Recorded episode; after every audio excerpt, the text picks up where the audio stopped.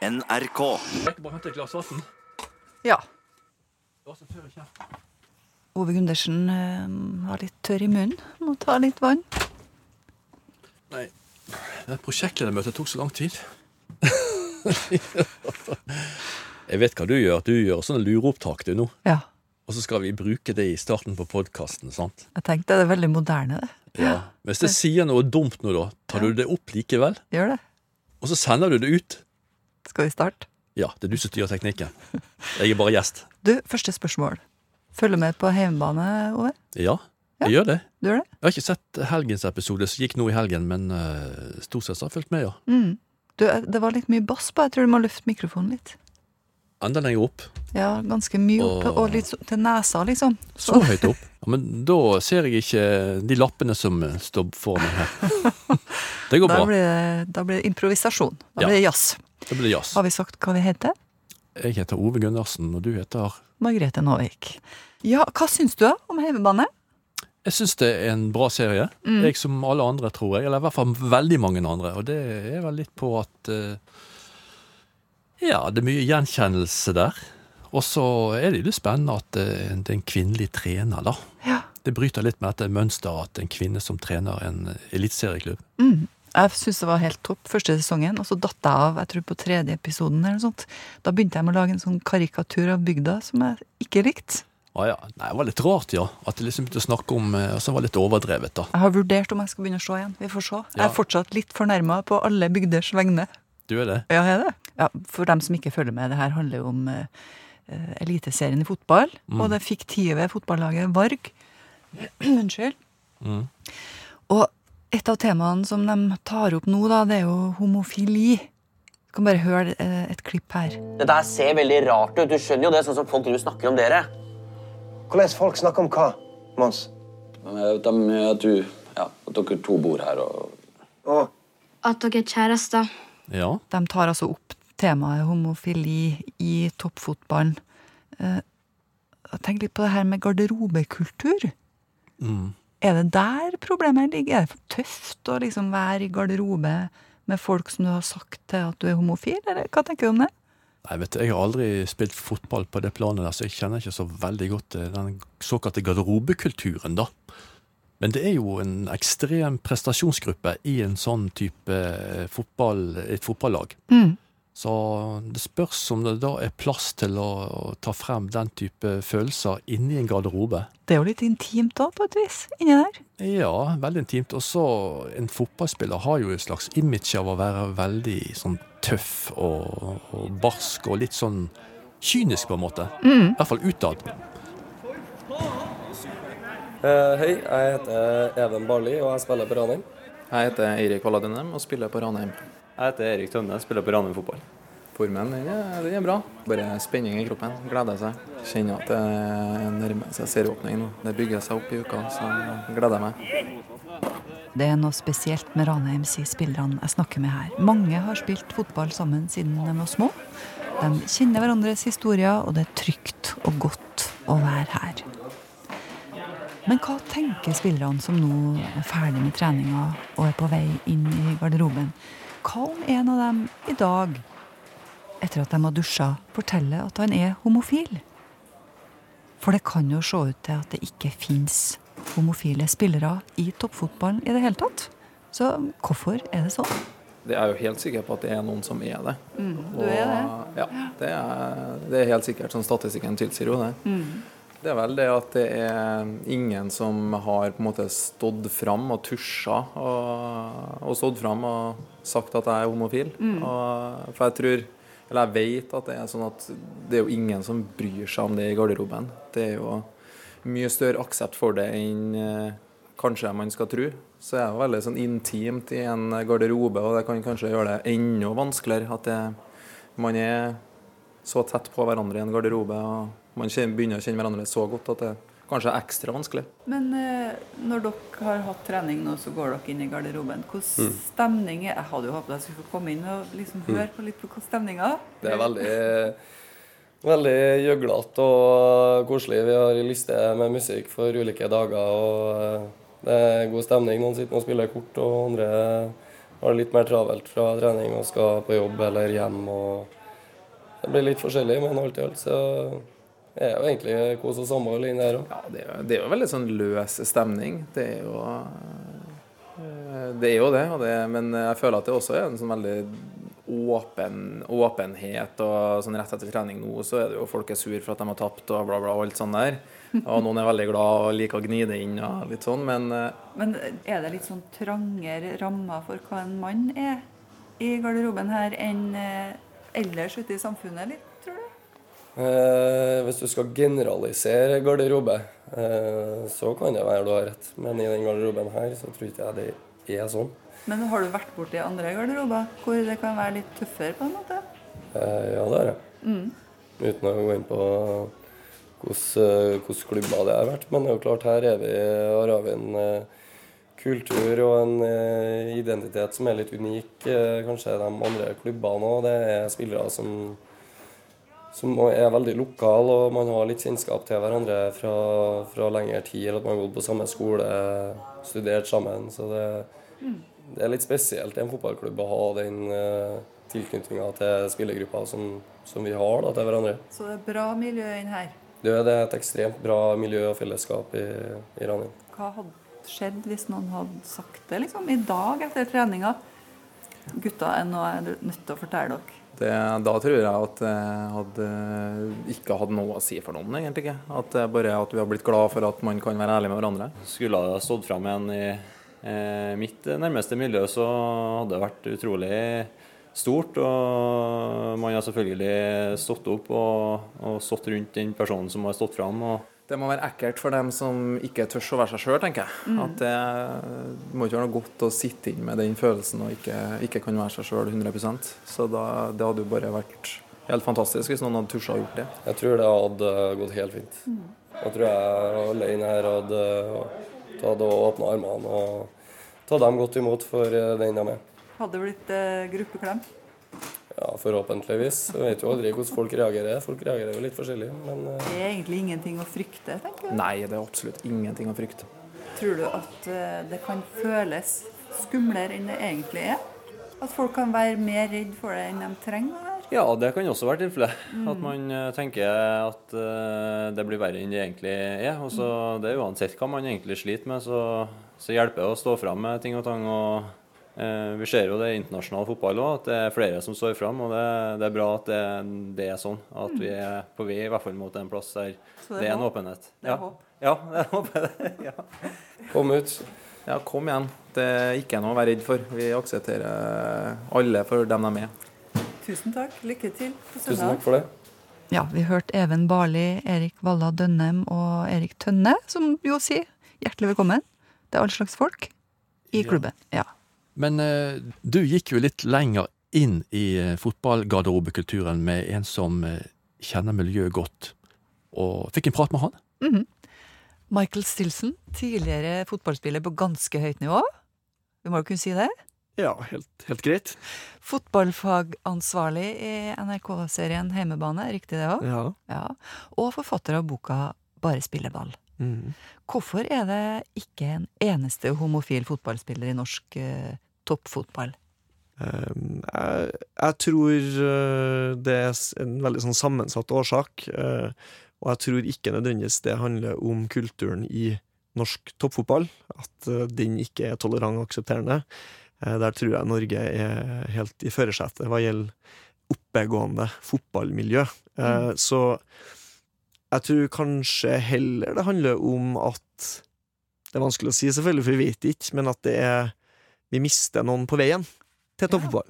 Ja. Og at det derfor kanskje ikke er så mange som er homofile i, i norsk toppfotball. Så, Så altså dem som er homofile, de slutter tidlig, er det det du sier? det her er jo igjen veldig farlig for meg å, å, å svare på, men, men i de fotballmiljøene jeg har vært i, i toppfotballen, eh, så opplever jeg en, en veldig sånn raushet, veldig oppegående, reflekterte fotballspillere. Ja, vi Eh, hørte jo Ranheim-spillerne før her, de er jo helt uh, klare til å ta imot med åpne armer. Ja, og det er den gjengse oppfatninga, tror jeg, i de fleste miljø, at det, det her hadde ikke hatt noe å si. Um, uh, og, og så tror jeg kanskje også et aspekt er, hvis det er homofile fotballspillere i toppfotballen, og det er det jo mest sannsynlig. Mm. uh, så er jo dem sikkert mest interessert i å være fotballspillere, og ikke å være homofile fotballspillere. Eh, og med det mener jeg at eh, det, det å være den første som kommer ut i en så profilert sport, kan medføre noen kostnader. Eh, ikke i form av hets nødvendigvis, eller at det er problematisk i så måte, men at har jeg lyst til å være han fanebæreren for denne saken her, eller eh, har jeg lyst til å være fotballspiller på lik linje med de andre? Så jeg hadde jo egentlig tenkt å spørre om eh, om mannsrollen er litt sånn trang i fotballen, men det høres jo ikke sånn ut når du snakker nå. Eh, jeg tror det handler om at det er veldig sånn kontekstbasert. Eh, jeg opplever og har opplevd, og jeg var en annerledes type fotballspiller enn mange av mine lagkamerater i kraft av hva slags interesser jeg hadde utafor garderoben. Hva var det? Nei, det er jo lesing og skriving og, og den sfæren der. Eh, Og jeg er veldig opptatt av at fotballgutter i større grad skal lese. eh, eh, Skjønnlitteratur, da, og, og, og eh, for å utvikle et sånn emosjonelt ordforråd, spesielt unge fotballspillere. Så er forskjell på den store bredden av unge fotballspillere og de som kommer seg til topps. Og der er det, når du er i toppfotballen, så opplever jeg at akkurat som du sier, da, at det er et stort rom for å være, være den mannen eller det mennesket du ønsker å være. I garderobesettingen, i den fotballbobla, Mm. eh, så tror jeg nok at mannsrollen er litt sånn begrensa eh, akkurat i den settingen. Mm. For det er også, eh, igjen, i et profesjonelt toppfotballmiljø, så er det knallhard konkurranse, og det er, det er en brutal virkelighet, og det å stå i det der, for eksempel det her med emosjonelle uh, uttrykk, det å gi uttrykk for følelser. Eh, ja, du kan være sint og leie deg på banen, men i garderoben så i stor grad skal folk bite i seg og eh, svelge skuffelser, svelge sorg. Altså bare eh, undertrykk det der. Eh, ikke fordi det ikke er akseptert, men fordi at man sjøl eh, ikke vil vise svakhet, kanskje. Men skal vi diskutere hvordan vi skal få flere og et større mangfold da, eh, i norsk toppfotball på herresida, så, så tror jeg vi må se på hva skjer på veien til toppfotballen. Eh, Ja, men si litt om det, for du snakka jo om disse ungdommene som kanskje detter av. Hvorfor gjør de det? Ja, jeg tror det handler om at ungdomstid og den usikkerheten som, eh, som herjer, eh, uavhengig om du er homofil eller hva enn eh, det er du, du syns kan være vanskelig, da, eh, så er fotballmiljøet ganske hardt, eh, spesielt på guttesida. Men for meg som aldri har vært i en fotballgarderobe, jeg fikk jo ikke lov å komme inn på Ranheim, forståelig nok. Hvordan er miljøet der? Altså, hva, har du noen eksempler på hvordan, hva som kan bli sagt, eller hvilken stemning som kan være der, som gjør at du ikke har lyst til å stå fram som homofil? da? I et yngre miljø så tror jeg nok eh, det er en sånn kamp for å finne seg sjøl, uavhengig av hvem du er, eh, og et hevdelsesbehov. Og så er fotballgarderoben er veldig spesiell, fordi at det er et lagspill, og det er et samhold og et fellesskap, men det er også en veldig individualisme i det. Eh, Det vil si at det er hver mann for seg sjøl.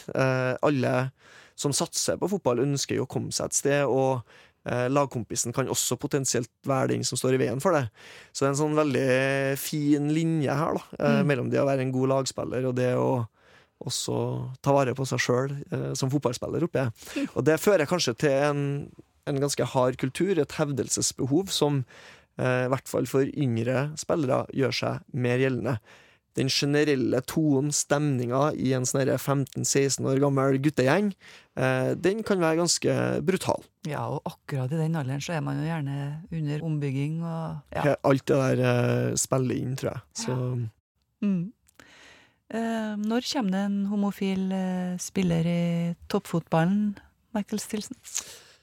eh, jeg tror vi er på vei. Jeg tror det har skjedd mye. Jeg tror ungdommen i dag tidligere er vant å bli eksponert for annerledeshet. Mm. Og annerledeshet er en verdi. Vi er på vei dit. Og når vi begynner å få en ungdomsfotball som preges av de samme holdningene, trenere og ledere som er opptatt av å se alle og legge til rette for positive miljø, så tror jeg vi også vil se at det kommer homofile fotballspillere i toppfotball. Det kan være at de er her allerede, men jeg tror det viktigste er at vi har, eh, har en barne- og ungdomsidrett som åpner opp for alle. Og da vil flere henge med lenger, og da vil vi også få en, et større mangfold i, også i toppfotballen. Dette var jo bare et utdrag av denne praten med Mikael Stilson. Kanskje, Margrethe, skal vi legge ut hele dette intervjuet på, som en podkast? Ja, kanskje vi skal gjøre det. det. Det var jo en del ting som var litt interessant, som jeg ikke fikk plass til rett og slett på radioen her. da. For eksempel det her med at eh, Michael Stilson sier at eh, hvis det kommer inn uh, spillere fra andre kulturer, Ja. Så, så kan det bli trøbbel. For hvis de kommer fra en kultur hvor det ikke er akseptabelt med homofili, så kan det bli vanskeligere å stå fram som homofil sant, for andre i klubben. Mm. Litt sånn kontroversielt kanskje, men uh, han sier nå det. Mm. Så jeg kan jo legge ut det Ja. etterpå, så kan dem som vil, få høre et litt lengre Ja, intervju jeg tror det er en del mennesker som har lyst til å høre utdyping på akkurat disse tingene der. da. Mhm. En annen ting er at det er spennende med dette her med, og interessant dette her med kvinnefotball. Ja. At der virker det som at det er mer åpenhet for eh, holdt jeg på å si, flere legninger. Eh, Ja, det er ikke så låst. Det er jo nesten forventa at, I- at det skal være noen lesbiske kvinner i fotballen der. Ja, Da er det flere som har stått frem, og jeg kan spørre deg om du vet eh, hvorfor, eller har en tanke om hvorfor det er mye lettere å være lesbisk i kvinnefotball enn å være homofil Ja. i Nei, jeg har ikke tenkt så mye på det, egentlig, men eh, kanskje at eh, Altså hvis det har vært veldig For det er jo et veldig, litt sånn maskulint miljø. Mm. Så hvis jeg tenker motsatt, da, hvis det har vært et veldig feminint miljø i herrefotball, så hadde det vært lettere å være homofil der. Ja. Jeg vet ikke. Kanskje vi må lage en sak om det snart. Ja, Ja. det kan være Fotballsesongen er så vidt begynt, så det er mange muligheter for oss å pirke bort i fotballkulturen. Ja, nemlig. Det skal vi gjøre. Ja. Men nå skal vi til Golanhøyden, da. Jeg var jo inne på denne karttjenesten, og det tar altså 61 timer korteste vei med bil. Gjennom Tyskland, Tyrkia og Syria. Mm. Har, du regnet på det på, på alvor? Ja, det sto det. 61 timer. Ja. Det handler jo egentlig om at eh, Trump i forrige uke anerkjente Israels eh, suverenitet over disse Golanhøydene. Ja. Det var jo litt sjokkerende, for FN eh, sier jo at eh, de ikke anerkjenner dette her, og USA har jo vært helt på lag med FN i 50 år, liksom. Mm. Så plutselig kommer Trump og sier det her. Og jeg syns det var rett og slett litt vanskelig å forstå. Både at han anerkjenner det, og at de bruker det her argumentet fra Mosebøkene, da. Så jeg ringte Hanne Eggen Røiselien, som er religionsviter og jobber i Cyberforsvaret, for at hun skal liksom hjelpe oss litt til å forstå her, da. Ja, og det var dette vi hørte på nyhetene forrige uke. Syrere demonstrerer etter at USAs president Donald Trump i går anerkjente Golanhøydene som israelsk territorium. Israel har siden 1967 okkupert store deler av området, noe FN med støtte fra USA har slått fast er ulovlig. Hanne, kan du fortelle hva Golanhøyden er? Hvordan ser det ut oppå der? Golanhøydene ligger helt nord i Israel som en liten høyde i enden eh, av Genesaretsjøen. Den- Det er et lite platå. Eh, Og der oppe så er det vinranker, og det er eh, i og for seg etterlatte tanks. Det er en sånn blanding av vinranker og eh, tidligere stridssone. Veldig spesielt sted. Men det det også er, er sånn, er et utkiktspunkt. Så i et sånn ellers ganske flatt, ut, flatt område, så når du går opp på Golanhøydene, så får du plutselig utkikk over eh, på en god dag inn til Amman i Jordan, og langt inn i Syria, Libanon og selvfølgelig hele Israel. Og da skjønner man hvorfor militæret i den tiden som Israel okkuperte dette, 67, Mm. syntes at dette var et viktig militært strategisk punkt, på samme måte som med Vestbredden, som også er en høyde. Ja, men vi skal jo ikke snakke om militæret nå, sjøl om du hører til der. Mm. Eh, vi skal snakke om eh, det her med at det fins en begrunnelse i Mosebøkene, Mm. hevder ortodokse jøder for denne okkupasjonen. Mm. Det, det er derfor jeg har bedt deg om å komme. Eh, hva, kan du si litt om det? Hvordan skal vi forstå det at ortodokse jøder bruker eh, Mosebøkene som argument for at dette er deres område? Ja, men det er en gren av ortodoks jødedom som mener det. Det er ikke mange. Nei En del. Det er jo en god del. Altså, det er jo omtrent eh, ja, si 30 kanskje av den jødiske israelske befolkningen. Ja. De er 5,9 millioner, så da kan folk få regne selv. Men Mener de virkelig at de kan ta det her området fordi det står i Mosebøkene, eller hvordan er det? Ja og nei. Eh, Det er et argument som går omtrent som følger. I jødedommen så er det grunnleggende en tanke om at det jødiske folket og det jødiske landet hører sammen. Så hvis man har lest eh, motbøkene, så vil man jo se at, sånn at alt foregår på et visst geografisk sted. Landet Israel, ikke sant. Mm. Det er ikke helt spesifikt eh, avgrenset, men eh, inkluderer mer eller mindre det vi kjenner som Israel, de okkuperte områdene, Golanhøydene, sånn roughly. Mm. Og så i 67 så eh, var jo seksdagerskrigen, og Israel utvidet territoriet sitt enormt. Eh, bla- og fikk da tok to, to kontroll over bl.a. blant annet Vestbredden og Golanhøydene, som vi snakker om nå. Og det ble sett som, eh, og fortolket som, av ortodokse jøder som et tegn på at nå er frelsen i gang. Frelsen i jødedommen tilsier jo at jødiske folk og, jød og landet, jødiske landet, er forent. Nå skjer det som står i Mosebøkene. Det er nå det skjer. Men hvordan skal vi forholde oss til at eh, en folkegruppe bruker, eller del av en folkegruppe bruker det som argument, da? Hva tenker du? De gamle bøkene? Ja, jeg syns ikke nødvendigvis at vi skal Jeg skal ikke sitte her og være noe nestor på besserwisser om når det gjelder religiøse argumentet. Eh, Det er ikke egentlig det argumentet som israelske, eh, de israelske politikerne bruker heller. Men tilhørig, den tilhørigheten som israelere kjenner til og føler til landet Israel, er vanskelig å ta inn over seg for, for oss. Og det, det er, der er veldig utfordrende. Fordi eh, en av de tingene som man da diskuterer sånn i fredsforhandlinger, ikke sant, er hva gjør vi med områdene, eh, de okkuperte områdene? Skal man bare gi det fra seg, f.eks.? Da vil også sekulære israelere, som ikke er ortodokse på noen som helst måte, snakke om tilgangen til Hebron, f.eks. Der Abraham er begravet. Man får tilgang til det. Eh, alle israelere føler tilhørighet til dette landet Israel i sin vage, utstrakte forståelse. Det, er, det må man egentlig ta på alvor. Det er vanskelig å se for seg at noen form for fredsforhandling og vil finne en løsning uten å ta det argumentet på alvor. Så det er en sånn følelse. Ja, det er det. Eh, Det her er, det her er mitt, eller det her hører jeg til. dette er et sted som jeg ikke kan forhandle om. Du kan ikke forhandle om identiteten din eller hvor du kommer fra. eller sånne ting. Mm. Det eh, er vanskelig å håndtere sånn rasjonelt, ikke sant? Ja. Men samtidig som alle vet at det stikker enormt dypt. For meg som er Jeg, jeg er fra Lillehammer, og uh, så kan jo Uansett hvor lenge jeg har bodd i Oslo, eller Jerusalem for den saks skyld, så har jo jeg sant, Jeg kommer jo fra Lillehammer. Ja. Og det kan ikke du forhandle bort, selv om eh, jeg får et annet, eh, annen adresse i folkeregisteret. sant? Mm. Ja, og det er jo veldig sammenlignbart med f.eks. gårdstvister og sånn òg. At, eh, at du hører til på en gård, eller du har ei hytte sammen med søsknene dine som du ikke vil skal gå ut av familien. Og dette kjenner alle litt til. Ja, og det er noe av det som er eh, eh, vanskelig i den israelsk-palestinske konflikten. Jeg har eh, en god palestinsk kristen venninne eh, som sa at eh, Åh, jeg er så lei av disse fredsforhandlingene, for du kan ikke forhandle om identiteten min likevel. Og den setningen der, den er jo, hvis du som kjenner litt på den at du Kan du forhandle om en identitet? Nei. Du, det skal vi ta med oss videre. Ut i søndagen og ut i livet. Du kan ikke forhandle om identitet. identitet. -hmm. Hanne Egen Røiselien, forsker ved Cyberforsvaret. Takk for at du kom og, og opplyste oss. Bare hyggelig. Ove, du var jo litt inn på dette med stedsbundet identitet tidligere i- når vi prata her. Eh, Din tilknytning til Bergen og sånn. Mhm. Kunne du ha forhandla om, eh, om den identiteten? Nei, du, det tror jeg stikker litt for djupt, altså. Ja. Det er fordi at eh, identiteten den er på en måte sånn Akkurat som at den er vevd rundt i ryggmargen, og så har inntatt selve hjerteroten. Ja.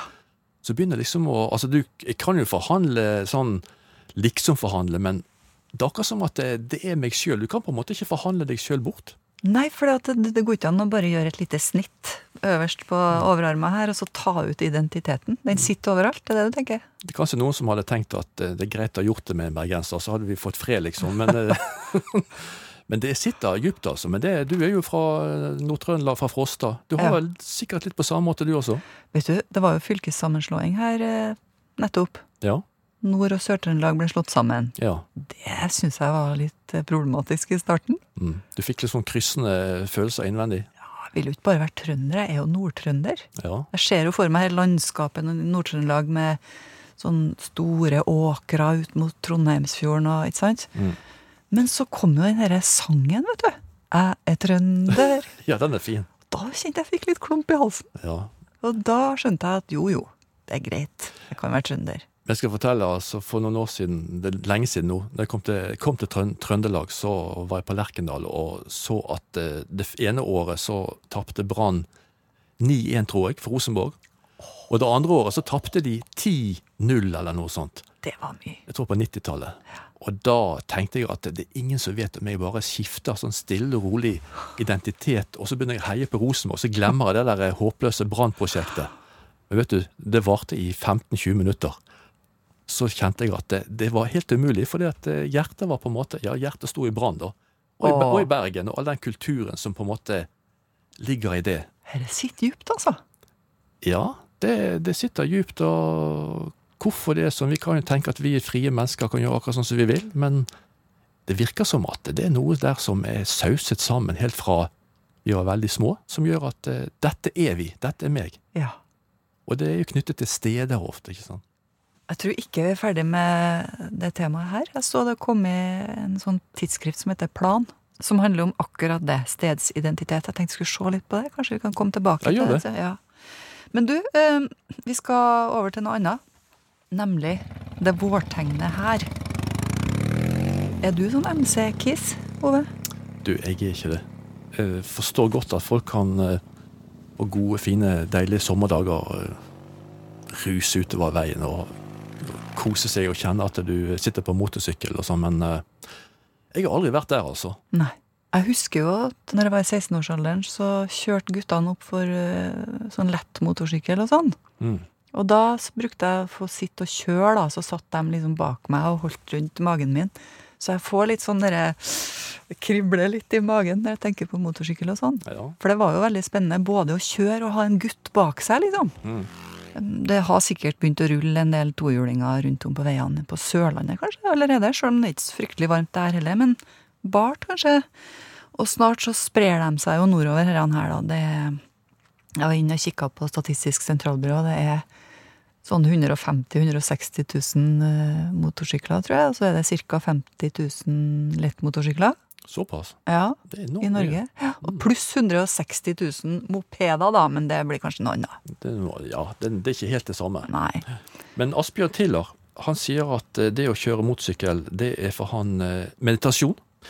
Og han gleder seg til å trille sin Der må jeg nesten lese opp, jeg har ikke peiling på dette. her altså. Ja. Sin BMW R100 fra 1977. Han gleder seg enormt til å få den ut på veien. Vi er på vei inn i en hule i fjellet midt i et boligområde i Trondheim. Døra står åpen, og det lukter olje i gangen. Det er Nidaros MC som helter her, og i verkstedet venter Asbjørn Tiller. Hallo. Hei. Hei, Asbjørn. Lise. Hyggelig. Ja, du fant veien, da. Mm. Det er jo rolig her i dag, da. Ja. Det er jo bare jeg som er her. Mm.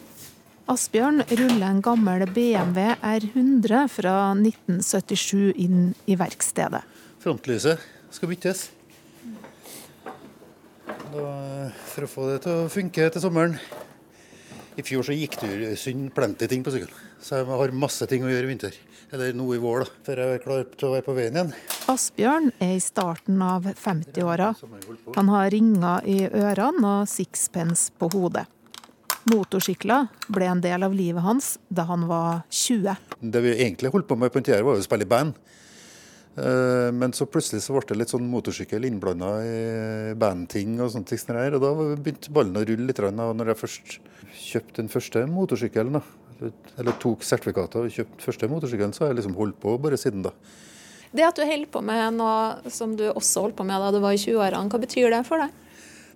Jeg vet ikke, Det høres litt sånn eh, teit ut å si at man eh, føler seg ung. Eller sånn, for det, er ikke at jeg føler meg ung når jeg gjør de tingene men jeg, men jeg syns det er litt godt å tenke på at jeg har den konstante tingen i livet mitt som er en sånn en fast ting. En ting som jeg vet at dette her trives jeg med, og som jeg vet at når jeg, når jeg setter meg på motorsykkelen, så får jeg en god følelse ut av det. Jeg er garantert å få en god følelse ut av det når jeg setter meg og kjører motorsykkel. Det er bra, syns jeg. For når Asbjørn sitter på sykkelen, kobler han ut jobb og hverdag. Det å kjøre motorsykkel er en form for meditasjon for han. Jeg sier at det, det er en terapi omtrent, men det, det, er noe med at du, du er på, en måte isolert fra omverdenen når du drar ut og kjører. Så at du, du, er, du er bare deg sjøl. Det er ikke nødvendigvis sånn at man sitter og tenker så mye når man kjører, eller kanskje man bare ikke tenker. At man bare kjører. Det er det man gjør. Det det, det er en tilstand man er i, rett og slett, som man bare driver og kjører.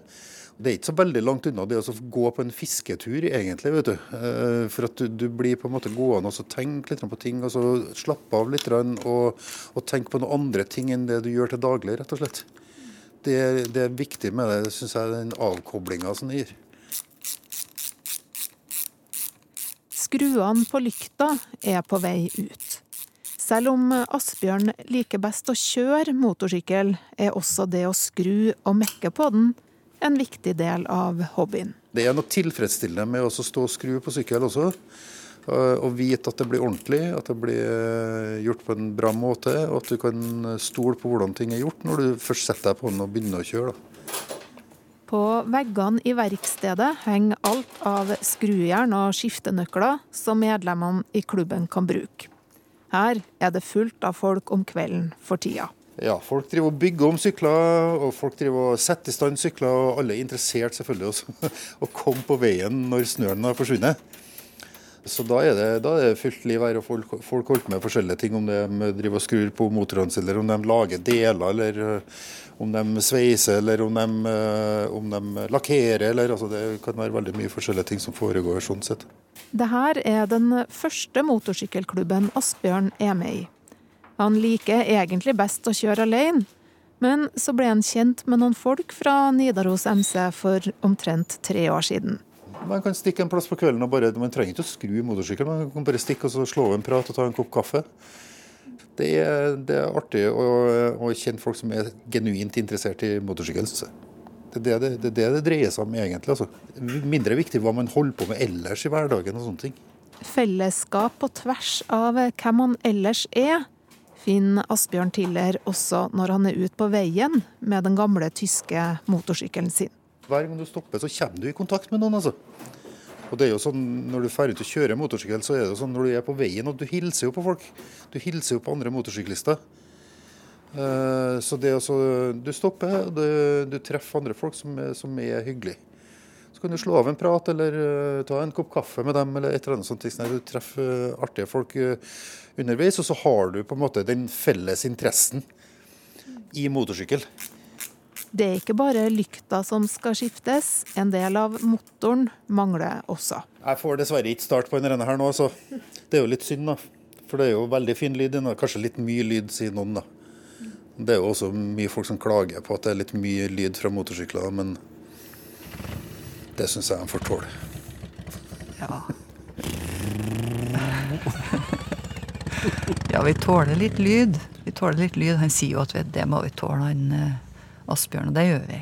Og motorsykkelen, for, for, å si det, da, hvis noen stussa på at han ikke fikk start, han Asbjørn her, men at vi hørte lyden av motorsykkelen likevel Han hadde faktisk en, en sånn lydfil liggende fra i fjor. Ja, det stusset på. Hvordan, ja. hvordan gikk det til? Å ja, han hadde liggende på en Som en sendt til Lise Sørensen, som var i hula sammen med Asbjørn tidligere her.